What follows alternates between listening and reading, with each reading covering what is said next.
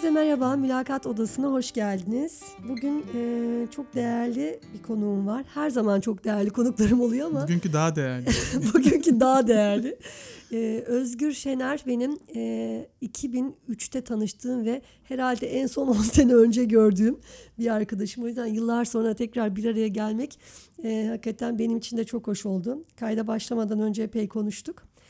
E, yıllar önce ben TNT'de insan kaynaklarında çalışırken Özgür de müşteri hizmetleri departmanında çalışıyordu. Bir yıl kadar beraber çalıştık ama e, sonrasında herkes bir yerlere dağıldı. Araya iş vesaire girince de ancak e, uzaktan birbirimizden haberdar olduk. E, benim o zamandan beri yani mülakat sürecini Özgür'ün hayal meyal hatırlıyorum. Ben yapmamıştım mülakatını. Ben o zaman çömezdim. Beni almıyorlardı mülakatları. Ama e, Özgür'ün o pozisyona e, geldiğinde sadece o pozisyonu doldurmayacağını, o şirkette e, gerçekten çok büyük bir katkı sağlayacağını, çok değerli bir profil olduğunu o zamandan hissetmiştim ve e, birlikte geçirdiğimiz o bir yılda da benim için hep çok kıymetli, çok özel bir profil oldu. Sonra kendi kariyer yolculuğu da hakikaten e, benim tahmin ettiğim gibi ilerledi. E, şu an ilk defa duyacağınız, pozisyonun adını ilk defa duyacağınız bir iş yapıyor Özgür sürdürülebilir lojistik danışmanlığı yapıyor. Yani müşteri temsilciliğinden e, sürdürülebilir lojistik danışmanlığına varan e, kariyer yolculuğunu eminim e, merak etmişsinizdir nasıl oldu diye. Ben burada sözü Özgür'e bırakacağım. Önce Özgür'ün böyle kısaca bir kariyer yolculuğunu konuşalım. Sonra e, o yolculukta mülakat odasında neler yaşadı hep beraber onun şahane anlatımıyla dinliyor olacağız. Özgür sürdürülebilir Lojistik, Lojistik danışmanlığı ne demek? nedir? Ayol. Süper. Şöyle aslında bu tabi bazen mesleklere kendi ismini vermek de aslında çok hoş bir şey. Bunu ilk defa e, yine TNT'de çalışırken birisi gelmişti yıllar önce. 2000 herhalde 10 öncesi. Geldi böyle bir kart verdi bana. Kartta şey yazıyordu. E, sosyal medya uzmanı. O zaman tabii gerçekten... Ne zaman oluyor bu? 2008-2009'lar yani. tahmin ediyorum. Daha sosyal medya falan çok az. İşte o zaman Ekin diye bir arkadaşım var. Hatta böyle şeyin kavgasını yapıyoruz. Sana bir Facebook açayım diyor. Ben saçmalama öyle şey mi olur falan dediğimiz zamanlar. Yazmış oraya ve ben ilk defa aslında kendi mesleğinin ismini kendi veren birisiyle tanışmıştım o zamanlar. Aslında şu anda söylediğim evet, evet e, sosyal medya uzmanı ya ben neyin uzmanı daha sosyal medyanın ne olduğunu bilmediğimiz dönemde birisi buna uzmanlık ismini vermiş ve bunu da kendi titrine yazmış. Çok hoşuma gitmişti o zaman. Yani birisinin kendi mesleğini yaratması durumu. Aslında şimdi söylediğimiz sürdürülebilir lojistik danışmanlığı konusu da aslında bizim kendimizin yarattığı bir işin sonucunda ortaya çıkmış bir e, iş aslında bakarsan. E, iki tane bacağı var aslında bu işin. Ana iki tane e, odağımız var bizim. Bir tanesi danışmanlık yaptığımız firmalara e, sıfır kaza hedefi, sıfır hata hedefi. Yani herhangi bir e, trafikte başına gelecek ya da taşımacılık yaparken bir sürücünün ve etrafındaki trafikteki diğer unsurların can kayıpları olmadan, çevreye zarar vermeden bu taşımacılık eylemini gerçekleştirmeleri. Öbür tarafı da aslında işin optimizasyonla ilgili kısmı ve verimlilikle ilgili kısmı. Çünkü bir ticari aracınız varsa bu ticari aracı en verimli şekilde kullanmalısınız ki ki özellikle lojistik sektörü gibi işte 500'lü, binli kocaman kocaman araçların olduğu, tırların olduğu bir sistemde çok büyük maliyetleri oradan kaynaklanıyor. Bunları optimize etmek ve bunları en verimli şekilde çalıştırmak üzerine aslında bir iş dizaynımız var. Biz de bunun danışmanlığını yapıyoruz aslında firmalara. Peki e, hiç iş yaşamında olmamış birini düşün hı hı. E, ve öyle tekrar anlatır mısın şimdi?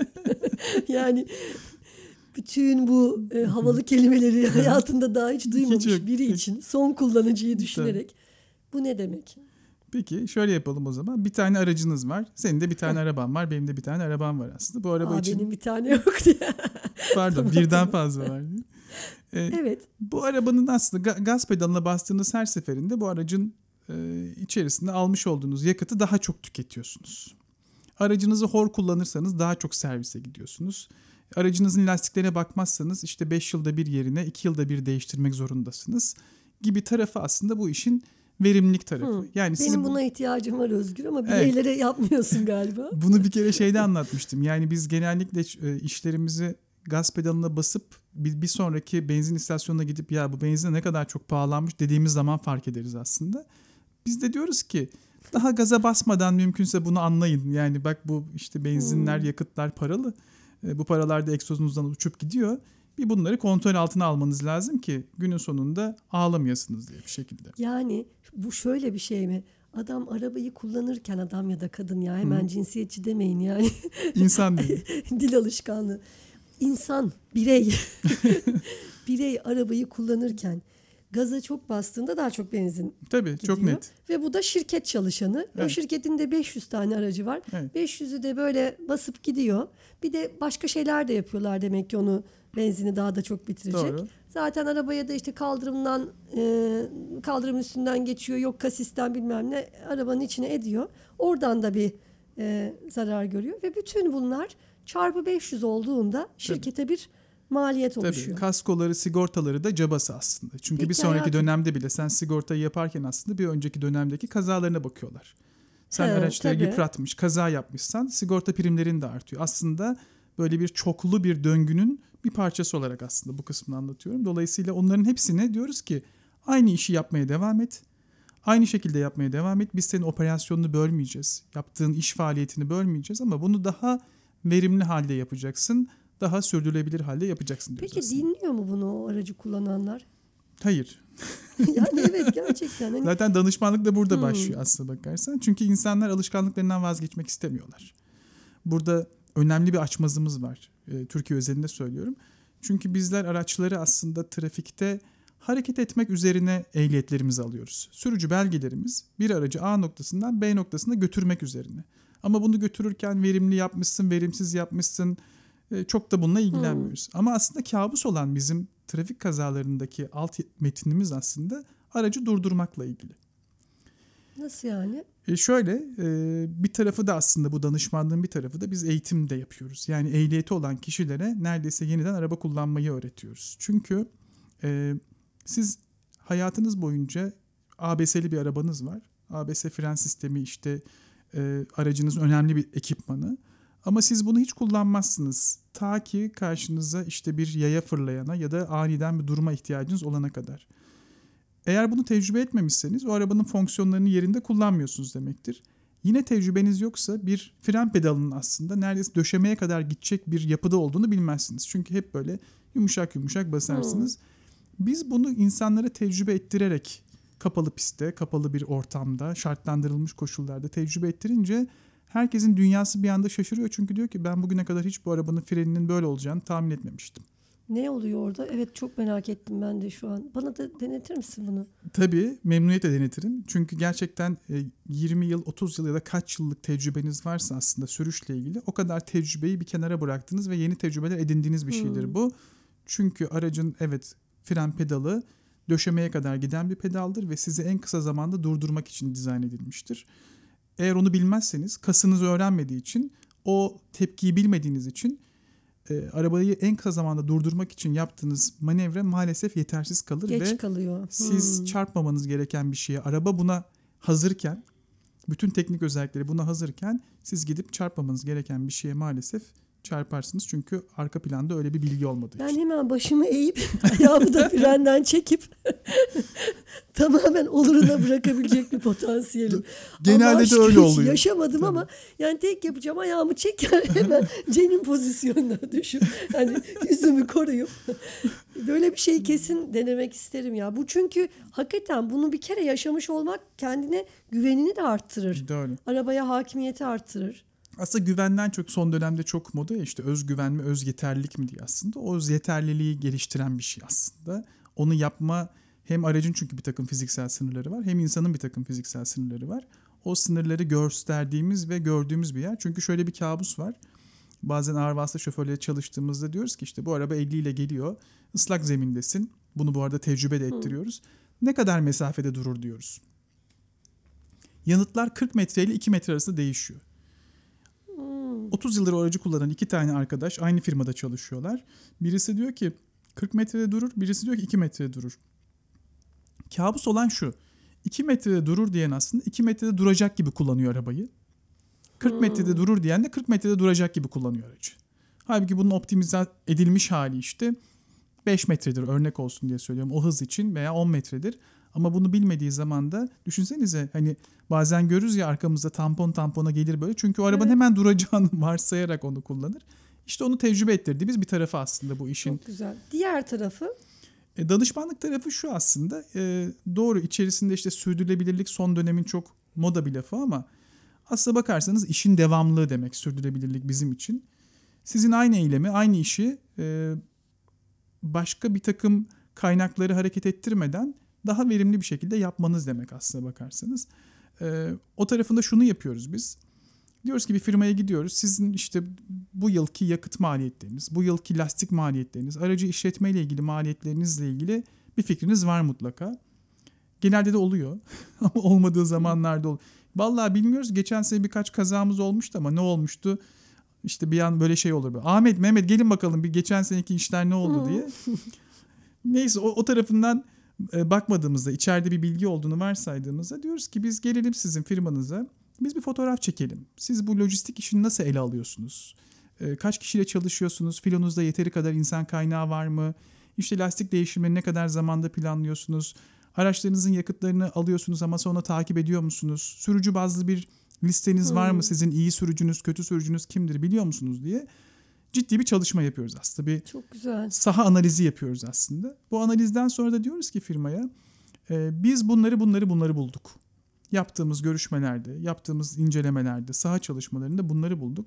Buradan da sizin e, toplam maliyetlerinizde, bu işi yapışınızda %10, 15, 20 firmaya göre bir takım kayıplar olduğunu fark ettik. Ve bu kayıplar da sizin işinizi etkilemeden kazanılabilir kayıplar. Bunları kazanmaya var mısınız diyoruz aslında. İlk başladığımız yer burası oluyor. E, firmaların bu işe yatkın yöneticileri genellikle evet varız deyip e, bizimle birlikte çalışmaya başlıyorlar ve biz aslında sıfır noktasından başlayıp o firmanın bütün içindeki sistemi iyileştirmek ama en önemlisi benim için şu ölçemediğiniz şeyi iyileştiremezsiniz felsefesinden yola çıkıp bir hedef koyuyoruz kendimize. Firma ile birlikte o hedefe yürüyoruz adım adım.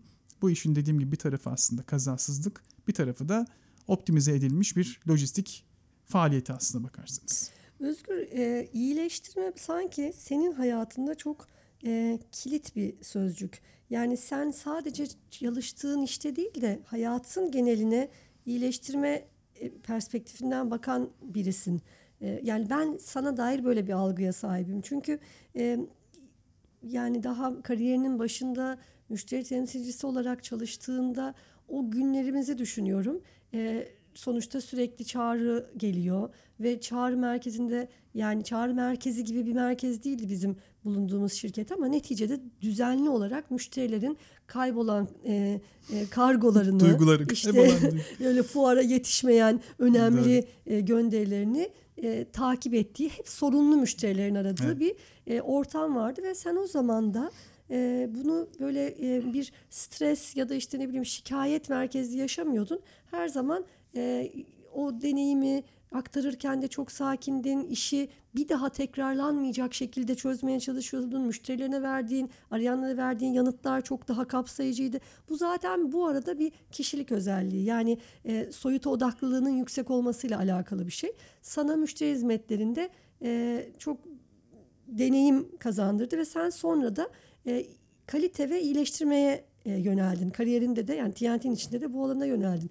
Ama yaptığın her işte yani şirkette çıkardığımız dergide de, arkadaşlık ilişkilerinde de, tedarikçilerle konuşmalarında da hep iyileştirme temelli bir yaklaşımım vardı. Bu, bunu çok önemli buluyorum. Çünkü e, uluslararası bir şirkette e, yöneticilik pozisyonunda çalışırken sonrasında idari işler, satın alma gibi birimleri de yönettin. E, buradan hareketle çok fazla kişiye dokundun. E, bunu sana e, hani evet tamam bu doğuştan belki geldi işte bir kişilik özelliği de diyorum ama bunu sana ilk kazandırdığını düşündüğün e, yer neresi oldu? Böyle bir e, başlangıç noktası var mı? İyileştirmeye ilginin başladığı.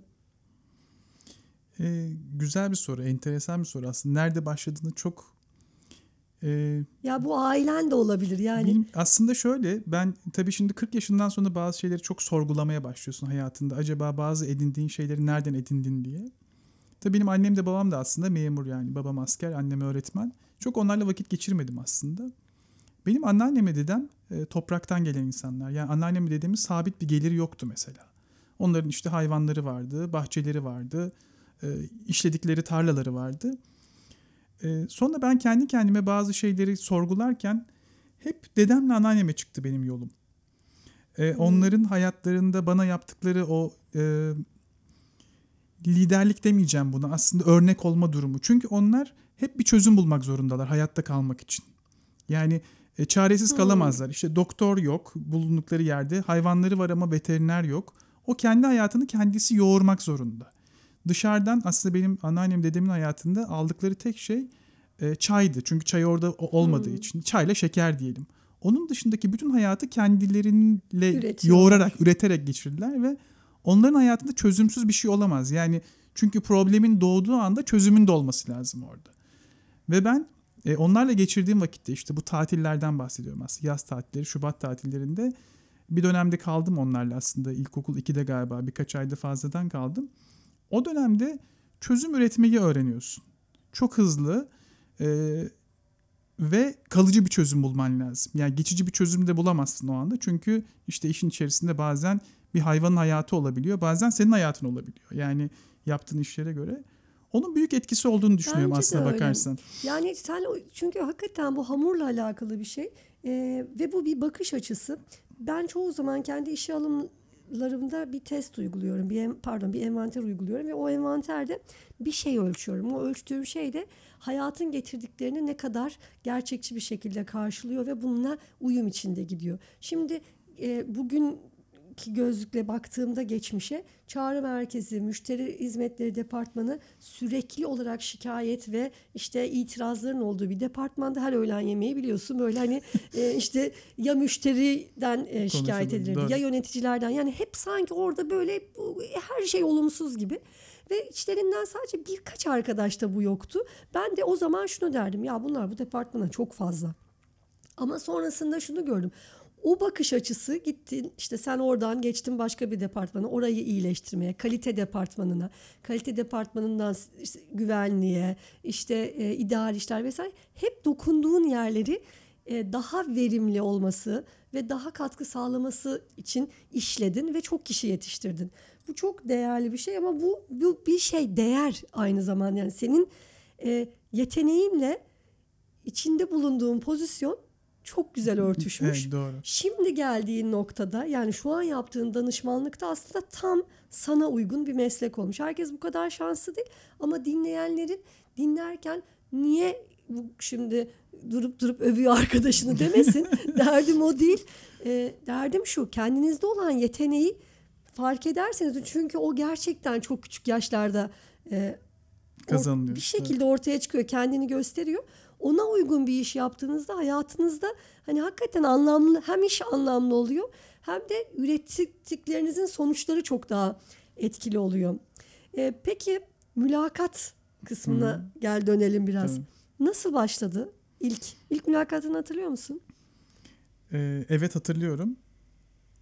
Normalde aslında şöyle bir şey vardı. Ben e, 1998'li yıllarda bir Interrail'e gitmiştim.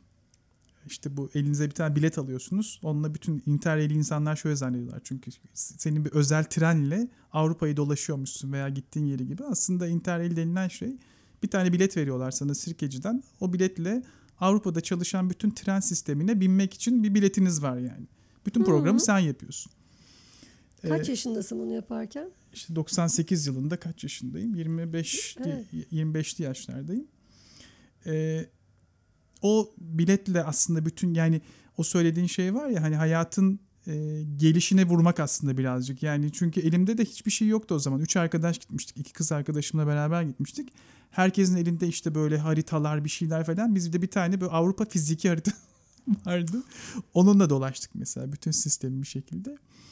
Ee, oradan sonra tabii ben şeye gittiğim yerlerde işte bir dönem şeyde kalmak istedim. Ya ben kesin işte bu Venedik'te kalmalıyım. Yok efendim şurada kalmalıyım derken neyse döndüm Türkiye'ye bir ay sonra dolaştıktan sonra. Bir ayda bayağı uzun bir süre Ee, güzel. bir ayda 5 ülke falan dolaştık tabii Ne aşağı yukarı. güzel. İşte hosteller, orada trende uyumalar işte falan acayip bir tecrübeydi benim için tabii hayatım bir döneminde. O dönem böyle birazcık daha şey düşünüyorum. e, Daha bohem bir hayatım olacağını varsayıyorum ve Herkese de şeyi söylüyorum işte bilgisayarın bilgisayar var mesela bizim evde. O zaman bir çatı katı evim var. E, o evde müzik yapılıyor. İşte bu o zaman Show TV'nin falan bu alt kuruluşları var. Onlara jingle falan yapılıyor. Ben şey diyorum. Hayır bilgisayarla ya bana göre değil. E, işte cep telefonu hayır asla kullanmayacağım falan diye böyle çok e, romantik bir halim var. O dönemde bir arkadaşım var Mehmet diye Türkcell'de çalışıyor. Dedi ki şey oğlum gel sen de çalış bak bu işlerin sonu yok falan filan diye. Onunla beraber yapıyoruz müzikleri falan. Ama ben şey kısmındayım yani yine müzikte de Bunu böyle gözümde karikatürize ettim biliyor musun? Yani hani böyle yavaş yavaş elinde şeyle yaklaşan bir şeytan seni kapitalist sisteme tabii tabii. ben de çekecek. bu arada not- nota falan şey yapmıyorum. Bir arkadaşım var klavyeli işte giriş yapıyor. O zaman müzik programları yeni yeni gelişiyor bu işte montajlar falan yapılması. Ben ama şeyle katılıyorum. Falan diye aa güzel oldu deyip onlar şeyi aktarıyorlar tamam mı? Yani işin bu tarafındayım. Yani mutfakta benim şeyim hı hı hı yapan tarafta. Sonra Mehmet Türkcell'de çalışmaya başladı. O zaman da müşteri hizmetlerinde dedi ki sen de gel falan. O zaman bir e, Türkcell'e dışarıdan bir firma şey veriyor. Danışmanlık yapıyor görüşmeler için falan. Hiç hayatımda bir bilmediğim bir dünya ve ben gittim işte o zaman ilk görüşmeler o biraz önce bahsettiğim gibi işte bir şeyler dolduruluyor falan bir şeyler yapılıyor. Dolduruyorum çok ne yaptığımın farkında değilim yani gerçekten böyle yarı bohem yarı hippie bir hayattan ben böyle hani müşteri hizmetlerinde ama o zamanlar şey tabii çok havalı bu arada. Türksel müşteri hizmetlerinde Tabii, olmak tabii, tabii. böyle Taksim'de belki hatırlarsınız kartlarla geziliyor yani Türkcell'de çalışıyorum falan diye tam o dönem. Ee, sonra ben gittim işte o zaman Maslak'ta bir yerde görüşmeye gittim. Böyle dolduruyorum yapıyorum falan ama çok yani ne yaptığımı farkında olmadığım bir dönemde. Sonra beni bir sonraki şeyde dediler ki sizi görüşmeye çağıracağız. Yani işte tamam belgelerinizi aldık senin yaptığın gibi şeyleri de baktılar. Kişilik özellikleri neyse onlar. Ama plansızız. Yani o zaman daha gerçekten bu insan kaynakları konuşmaları falan çok e, ne diyelim daha başlangıç aşamasında. Dediler ki siz, biz sizi arayacağız. Bir pazar günü bir arkadaşımızın doğum günü. Biz de gece eğlendik, coştuk falan filan. Şey yok zaten. Cep telefonu falan yok. Evde bir tane böyle yeşil çevirmeli telefonum var. Telefon çaldı. Ondan sonra işte öğleden sonra yani pazar pazar günü biz eğlendik gereğinden fazla eğlendik diyelim. Dediler ki pazartesi günü işte yarın öğleden sonra şeye gelir misiniz? Ee, Görüşmeye. görüşmeye gelir misiniz? Yani ge- gelirim dedim yani söyleyecek bir şey de hani o görüşmenin nasıl geçeceğiyle ilgili falan bir fikrim yok. Ben neredeyse o partinin etkisiyle o doğum günü partisinin etkisiyle gittim görüşmeye ve inan bana görüşmede o zaman da Türkcell'in Taksim'deki yerindeyiz. Ne görüştüğümden çok haberdar değildim. Yani çok ya ilk mülakatımı o yüzden hatırlamıyorum yani tamam mı? Gittim böyle hani kendimi ifade etsem başka bir şey, etmesem başka bir hal. Zaten kendim kendimi ifade ediyorum yani çok böyle şey falan. Neyse Allah'tan çok kötü bir izlenim yaratmamışlar. Orada e, beni işe kabul ettiler o zaman. Peki sen böyle giyinme falan filan öyle. E, giyinme var ama giyindiğim halle ben benim arasında şey var yani. Yani çok büyük uçurum Gömlek, var yani tamam mı? Yani tabii gömlek var, kravat var Vay. falan filan tabii öyle bir şeyim var böyle hani damatlık takım elbise gibi bir şeyim var böyle. Nereden geldiğini büyük ihtimalle kardeşim nişanından falan olabilir. Böyle bir kıyafetle gittim ama ben değilim yani o. E, hatta orada şeyi hatırlıyorum. Hülya diye bir arkadaştı yanlış hatırlamıyorsam.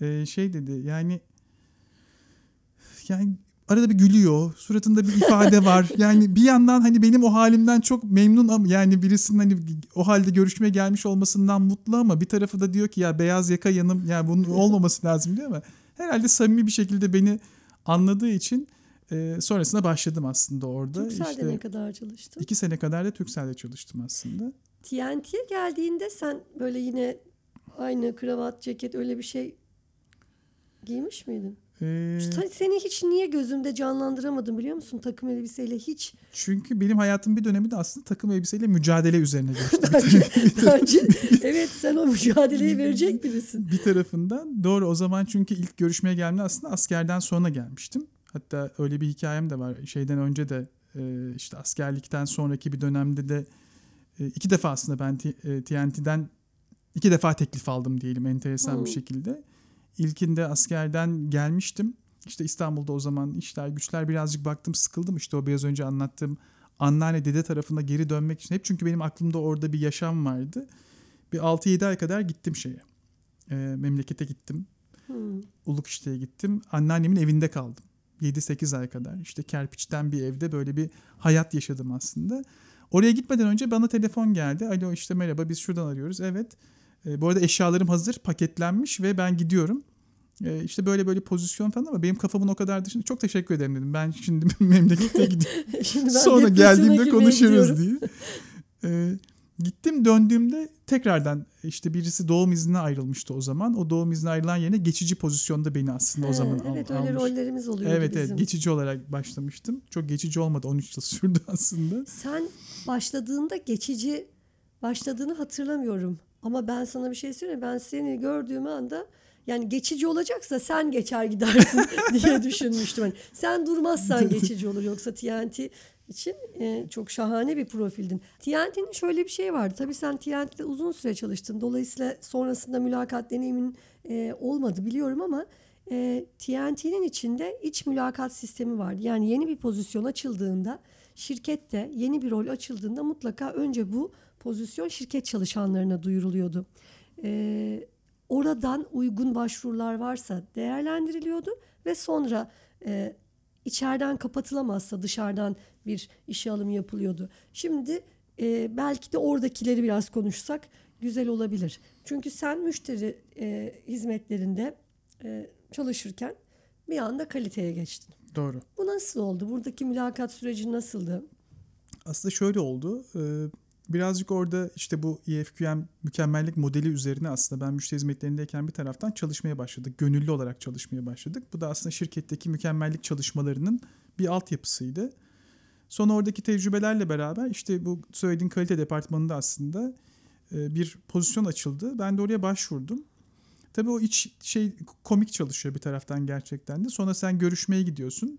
Görüşmede işte hep beraber çay kahve içtin birisi işte şey diye hayatını 5 yıl sonra nerede görüyorsun diye. Ama yani biraz önce kahve içiyorduk şimdi nasıl bu ciddiyeti hemen bir şekilde döndük diye tabii şaşırıyorsun ama e, enteresan bir şekilde çok ciddi bir şeyden geçtim aslında orada. Yani içerideki görüşme dışarıdaki görüşmelerden nispeten daha da sert geçti. Çünkü o departman bir şekilde şirketin mutfağında birçok işin yürüdüğü, dokümantasyonun yapıldığı, ne bileyim işte o dönemde mesela bir pandemi vardı. O pandemiyi nasıl yöneteceğine kadar yurt dışından gelen bütün e, talimatları uygulayacağın, çalışanlarına Hmm. zarar gelmeyeceğine kadar giden bir e, yapıydı aslında oradaki yapı.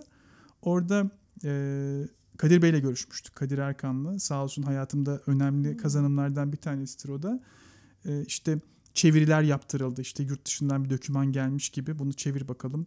E, oturduk İngilizce bir dökümanı İngilizceni öyle Tabii. ölçtüler. çevirisini yaptık. Ondan sonra işte e, dediğim gibi bu mükemmel çalışmalarında kendini nerede görüyorsun, ne yapıyorsun falan diye. Çok heyecanlı bir dönemdi benim için. Hatta o dönemin böyle bir yerinde çünkü bir şey yapıyorsunuz ama hiç yapmadığınız bir şeye atlamak aslında gerçekten buz gibi bir havuza atlamak gibi. E, onu yapacak mıyım, yapamayacak mıyımdan daha çok daha iyi yapabilir miyim aslında kaygısı var orada. E, o görüşmede ep- epey heyecanlanmıştım bir tarafıyla. Tabii olmasını çok istiyorum. Kalbim pır pır çarpıyor. E, ama bir taraftan da ya olmazsa falan diye böyle çünkü e, şirket o kadar iyi değerlendirme yapıyor ki çok da sana göz kırpmıyorlar yani. ne olacağı da çok tabii. belli değil gayet. E, sonra oldu tabii yani o e, çok uzamadan o süreci başarıyla Yani geçtik. iç mülakatta şirket içinde zaten sen hali hazırda bir pozisyonda çalışırken daha kolay olur gibi geliyor. Ama iyi kötü senin hakkında bir fikirleri var. Kişisel olarak e, yani tabii bunu doğru yapan şirketler için söylüyorum. Ya tamam Özgür bunu da becerir. e, geçsin bakalım bir görelim demeyen, bunu profesyonelce yapan şirketlerde ki TNT öyle bir yerde o anlamda, insan kaynakları anlamında.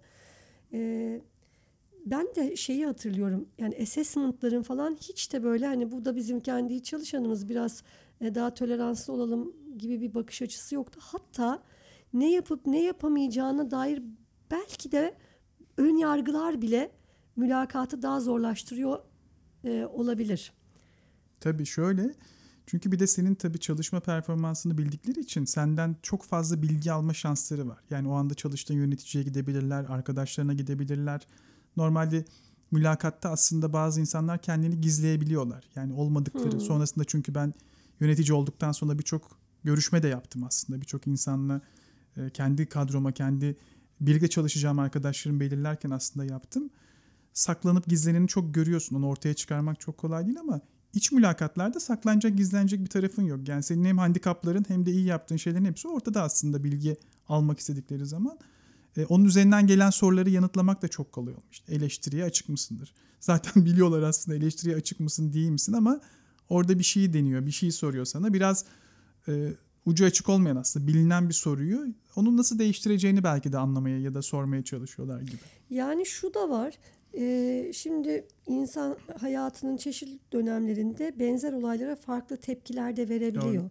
Yani ben şeyi hatırlıyorum. Sabah 8'de toplantı saatlerini sabah 8'e aldığı için çalıştığım bir firmada patronumuz. Ben de karşıda oturuyorum. 8'de oraya gitmek bir işkence. Bir de saat 8'de toplantıyı yapıyorsun ama 9'da mesela toplantı bitiyor. Tekrar karşıya geçiyorsun müşteri ziyaretlerini yapmak için falan. Yani mana- manasız bir toplantı için her gün e, karşıya geçmemiz gerekiyor. Manasızlığını da bildiğim için mesela ben bu toplantı kararını e, toplantı odasının kapısını tekmeleyerek Kendimi ifade etmiştim. karşılamıştım. Şimdi ya da başka bir şirkette mesela patronun sehpasına sandalye ile kırmıştım. Yani çok şiddet Vandalizm de var yani vardı. Şiddetle e, gösteriyordum. Esef yakınıyorum. yani şimdi ben bugün öyle biri e, olmamayı öğrendim. Ruhumda hala bu şiddeti hissediyorum ayrı. Ama artık davranışımda onu zihnimde canlandırıyorum. O kafa- ka- kapıyı kırdığımı falan zihnimde tutabiliyorum. Ama o zaman fiziksel olarak bunu yapıyordum. Şimdi o kişi beni or- orada o öyle gördü. E ben değişmeye karar verdim. Doğru. Belki gittim terapiye. Belki işte e, aklımı başıma topladım falan. O hatırayla bana o şansı vermeyebilir. Doğru. Yeniden tanışmamız e, zor olabilir. Doğru. Geçen bir şey okudum. Diyor ki ilk yaptığınız hata ikinci aynısını yapıyorsanız ihlal. Üçüncüsü de zaten tercihtir diyor. Hmm. yani ne güzel. evet bu benim tercihim olmadığını ona anlatmaya çalışmak çok zor. Tabii. Çünkü senle en son 5 yıl önce karşılaşmış ya da 5 yıl önceki bir hatırayı getirmen çok yanlış. Çünkü ben çok değiştim bu arada. Belki çok kitap okudum, çok yaşadım, çok değiştim. Dediğin gibi terapiye gittim. Psikologlarla konuştum eğer ihtiyacım varsa veya hayat beni başka türlü değiştirdi. Bir yakınımı kaybettim, hastalandım. Çünkü insanın içerisinde bütün bunlar var hayatın içerisinde. O soruyla karşılaşınca şey e, tabii o zor bir şey ve iç mülakatlarda aslında çok karşımıza çıkan Tabii. bir şey. Senin işte 5 yıl önce gösterdiğin ya da gösteremediğin performansı konuşmak. Halbuki bugünü konuşmak lazım. Hatta yarını konuşmak lazım. Sen de mülakatlar yapıyordun TNT'de sonrasında. Tabii. Onlardan hatırladıkların var mı? Valla bir tane şeyim var. Nasıl seçiyordun? Ee, şöyle aslında ben hep hep insana baktım ben. Yani hep benim odağımda hep insan var. Yani çünkü iş bir şekilde olur aslında. Hele ki birlikte çalıştığım ekipte yani güvendiğim işte yüzünde o hani iyiliğin olduğu, güleçliğin olduğu, daha Onu nereden anlıyorsun ki mesela o iyiliği? çok yani göz göze geldiğinde aslında insanlardan birçok mesaj alırsın. Yani o göz göze gelmek tabii ki aslında hemen bir tanımlama değil ama zaman içerisinde de olaylara bakışı pozitif mi işte yoksa hayatından kendi kendine bir şekilde stres yaratmayı seven bir tip mi onu anlıyorsun aslında ya da çalışırken anlıyorsun onu. Zaten biliyorsun insan kaynaklarının iki aylık bir deneme süresi o, o süreyi iyi değerlendirirsen aslında şeyler çıkıyor ortaya e, defolarımız diyelim hepimizin de olduğu gibi Evet. aslında bir şekilde ama onun iş hayatına yansımış şekli de çok yorucu oluyor. Çünkü ben hep şunu söylerim. E, bizim işi konuşmamız lazım eğer işteyse. Kişi konuşmaya başlarsak yanmışız demektir. E, çünkü kişinin içinden çıkamıyorsun. Çok subjektif. Ama iş Tabii. objektif bir şey. Rakamlara bağlı, verilere bağlı falan. E, bir gün bir pozisyon açıldı. Resepsiyonist pozisyonu açıldı. Resepsiyonda bana bağlı çalışacak. Ben de görüşmelere giriyorum. İlk önce bir toplu mülakat yapıyoruz. İşte böyle bir masanın etrafında 5-6 tane adayımız var. Sırayla soruyoruz. işte, niye buradasın diyoruz işte. Bir tanesi işte ben işte kariyerimde böyle bir şey yabancı bir firmada çalışmak istiyorum. Onun için buradayım. İşte bir tanesi e, resepsiyondan başlayacağım ama sonrasında işte insan kaynaklarına doğru giden bir yolculuk yapmak istiyorum diyor falan. E, bir adayımız var. Kadın aday, adaylarımızın hepsi kadın. E, dedi ki şey e, yani yönetmenlik yolunda burayı çok iyi bir tercih olarak buluyorum dedi. tamam bir tur geçtik böyle. Orta kademeyi hedefliyor Tabii, tabii. yönetmenlik. Sonra bir tur daha attık. İşte yine insanlar peki işte resepsiyonda sıkılmayacak mısınız? Telefon geliyor sürekli oturma işi falan filan diye. Yine o arkadaşa geldi sıra. Yani e, kendi filmimi çekersem daha iyi hissedeceğim kendimi diyor. Ben böyle sü- sürekli metafor. anlamlandıramıyorum. Hani bir tarafından diyorum ki acaba falan. Ee, Sonra ben TNT TNT derken şeye uyandım ama şimdi ona nasıl söyleyeceğimi de şimdi şey yapamıyorum tamam mı? Bir tur daha atıp işte film milim bir şey deyince dedim ki siz e, TNT deyince doğru yerde misiniz emin misiniz dedim. Niye dedi. Burası kurye firması dedim. Ay ben televizyon diye geldim diye. Ya, ya oraya kadar gelene kadar gerçekten TNT'yi televizyon firması olarak nite- nitelendirmiş ve gelmiş. Çıkmak ister misiniz? Yok dedi çıkmayayım yani bari sonlandıralım diye. Çok iyi. Yalnız ben anlamazdım biliyor musun? Ben şey derdim ne kadar metaforik konuşuyor, ne kadar güzel dizayn. Hani kendi filmimi yani hayatımın kariyer bir hayatımı filmi Böyle çekeceğim burada diye. sanatsal bir şey arardım ve muhtemelen onu seçerdim. Evet. Öyle bir şeyimiz olmuştu ya. Çok Öyle bir hikayem olmuştu. Kayırır mısın peki böyle hani daha entelektüel, daha sorgulayan ya da ne bileyim hayattaki duruşu daha naif ol- olduğu için birini e, diğer adaya göre kayırır mısın? Yani işi yapma özellikleri e, benzer, belki de aynı. Ama bir tanesinin yüzüne baktığında ya da senin sorularına verdiği cevaptan e, çok daha insan odaklı, çok daha çevreye, hayata duyarlı biri olduğunu Hı hı. görüyorsun. Tercihini o kişi tarafında yapar mısın? E, yaparım. Çünkü e, insan odaklı olmak gerçekten aslında bu dünyada işte hepimiz bir acayip acayip işler yapıyoruz ve geçip gidiyoruz işte bir kısmı dediğim gibi kendi işimizin adını kendimiz koyuyoruz bir kısmımız aslında olan işleri devam ettiriyoruz gibi E, geçenlerde bir yerde bir yazı okudum çok ilginçti diyor ki aslında şirketlerde çalışan insanlar eğer işlerine değer katmıyorlarsa veya hayata bir değer katmıyorlarsa bulundukları pozisyonla da beraber aslında çok averaj bir yaşamla geçiyorlar iş hayatından. İşte onun yerine hep tavsiye ediyoruz ya işte kendi işini kur, kendi bir şeyler yap diye. Ee, ben hep aslında hayata da bir şey katmaya çalıştım. Örneğin 2009 senesiydi yanlış hatırlamıyorsam. Bir gün bana bir telefon geldi. Şirkette böyle ne kadar acayip telefon varsa bana gelirdi. Çünkü böyle hani bir takım tanımlı işler var. Bir de bu işlerin dışında tanımsız işler var. Ne olduğu belli Sen olmayan. öteki kutusuydun Ben zaten, evet değil öteki mi? kutusu Evet. gibi bana bir telefon geldi açtım merhaba dedi işte ben Suzan evet Suzan Hanım biz dedi işte adım adım diye bir oluşumdan arıyorum ben sizi evet Ee, siz dedi bir şirket takımı kuruyorsunuz koşu takımı kuruyorsunuz bu koşu takımıyla koşu yapıyorsunuz evet işte 7 kişilik bir takım kuruyorsunuz 6 kilometre koşuyoruz aslında toplamı 42 yapıyor yani bir takım olarak bir maratonu Hmm. tamamlamış oluyorsunuz buradan da sivil toplum kuruluşlarına bir e, bağış topluyorsunuz dedi. Ben şeyi spor yapmayı çok severim. Rekabetçi spor da severim. Rekabet etmeyi de severim. Yani o ne oynuyorsam o anda Hmm. tenis de oynuyorsam işte futbolda oynuyorsam kazanmayı severim. Yani bunun içerisinde şey yok ama kabalık yapmak, itmek, kalkmak yok ama kazanmayı severim o anlamda. Onun için oynarım daha doğrusu. Hayatım boyunca bir kilometre peş peşe koşmuştum yok. Bir kere bir kaptan arkadaşım var Hakan diye kulakları çınlasın. Hakan'la sahilde koşmaya gittik. Bostancı sahilde. 300 metre sonra birbirimize bakıp şey dedik. Ne yapıyoruz biz ya burada diye. Bu yaptığımız saçma deyip geri dönmüştük o zaman. Zaten oraya kadar da arabayla gittik. Neyse şimdi işin içerisinde bir sivil toplum kuruluşu var. Bir bağış işi var falan. E, sizinle görüşebilir miyiz dedi. Tabii ki görüşürüz dedim. Geldiler. Hiç unutmuyorum. Orada hayatımdaki böyle ilginç paradigma değişikliklerinden bir tanesini yaşadım. E, toplantı odasında. Bu arada şirketten de şeyleri çağırdım. Bu işe angaja olabilecek insanları vardı kafamda. Çünkü böyle bir e, kodladım. O işte Hmm. insan odaklı dediğin kişileri. Onlarla beraber oturduk. İki kişi gelmişlerdi. Suzan Hanım o zaman işte 50-55'li yaşlardaydı. Dedi ki işte ben de biraz önce işte geçtiğimiz hafta bilmem nerede 70 kilometre ultramaraton koştum falan diye. Böyle baktım Wow. nasıl yani falan diye. Biz ben hala bir kilometre peş peşe koşmuşlu olmayan bir insanım. Sonra anlattı bu projeyi. Dedi ki işte bir şey seçiyorsunuz. Sivil toplum örgütü seçiyorsunuz. O örgüte e, siz koşarken onlar da sizi destekliyorlar. Yani ben diyorum ki arkadaşlar ben işte İstanbul Maratonu'nda koşacağım. 15 kilometre koşacağım. Siz de bana benim desteklediğim e, sivil toplum kuruluşuna bağışta bulunacaksınız. Süper. Paraya temas etmiyorsun. E, para direkt firmanın e, şeyine gidiyor. E, sivil toplum kuruluşunun e, hesabına Hesabına. gidiyor. O da bir işe yarıyor. O zaman Akut için koşmuştuk ilk defa. Biz bir takım kurmuştuk ve orada Suzan'ıma ben şeyi söylemiştim. Dedim ki ben hayatım boyunca bir kilometre peş peşe koşmadım. Nasıl 6 kilometre koşacağım? İlk hedefimiz 6 kilometre. O zaman şeyi söylemişti. Özgür Bey dedi. e, koşudaki en uzun mesafe kanepeyle kapı arasındaki mesafedir dedi.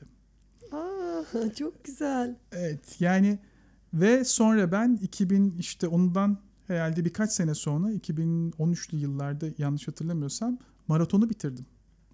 Özgür sen bisiklet falan da Tabii e, tabii. devam ediyorsun değil mi? E, Daha iyi yani bisikletle gidip geldim çok işe de gidip geldim bisiklete. İstanbul trafiğinde çok zor olsa da e, TNT çalışırken özellikle çok gidip geldim. E, Hatta ofisimde dururdu o bisiklet kask ile beraber bana böyle şey verirdi yaşam enerjisi verirdi ofisin içerisinde yukarı alırdım yani aşağıda bir yerde Hmm. bırakmıyordum bisikleti. Bir taraftan da tabii onun e, temsil ettiği bir şey var. evet temsil ettiği bir şey vardı hem benim için hem de aslında o odaya gelip giden insanlar için param yok diye bisiklete bir Patrona satmadım kendimi. Nokta com. Ha, evet aslında bir dönemde seninle çalıştığımız dönemde motosikletle gidip geliyordum belki Evet. hatırlarsın. Ee, o işte o insani aslında oraya bağlarsak o insani kıymet benim için çok önemli. Bugün aslında orada yaptığımız çalışmalarla şimdi Türkiye Omurilik Felçleri Derneği'nin Yüksek İstişare Kurulu'ndayım aslında. Hmm. 11 e, 11-12 Nisan ya da 16-17 Nisan'da bir eğitim zirvesi yapıyoruz şimdi. Yani hani o Nereden nereye gelmiş o yolculuk? o bağlantılar işte e, Doğan hocamız da aslında olacaktı zirvemizde. Kaybettik biliyorsun ama işte Üstün Evet. Dökmenlerin olduğu, Özgür Bolatların olduğu bir eğitim zirvesi yapıyoruz şimdi. O zirvenin içerisinde bir komitemiz var. O komiteyle beraber bunları çalışıyoruz. Çünkü hayat oralarda e, değişiyor. Hayata temas ettiğin şey, insan olduğunu tekrar anladığın şey birisine iyilik yapmak değil aslında. Orada o insanlarla beraber olmak. Çünkü ben iyilik kelimesini çok sevmiyorum. Evet. Kime iyilik yapabilirsin ki? Tabii, da ne kadar tabii. yapabilirsin? Herkes tam ve bütündür aslında. Evet. Anlıyor, anlıyorum demek istediğini. Ee, çünkü o anı paylaşmak, o gerçeği paylaşmak çok daha insani ve çok daha dürüst tabii, geliyordur. Tabii, tabii. Bir de yani bu zaten tek taraflı bir şey değil. Sen birisine iyilik yapmıyorsun aslında. Beraber evet o Tabii. habitatı yaşıyorsun ve e, onun verdiği duyguyu ve onun onu o yaşamayı çok seviyorum. O hissiyatı çok seviyorum. Özgürcüm çok teşekkür ederim. Çok sağ ol. Gerçekten iyi ki geldin. O kadar uzun zaman sonra seni görmek şahaneydi. Ee, biz seninle hep rüyalarımızı konuşuyorduk. Yine bir program yapalım, rüyaları konuşalım. Doğru. Arkadaşlar mülakat odası şimdilik bitti. Görüşmek üzere. Haftaya yeni bir programla, yeni bir konukla. Hoşçakalın.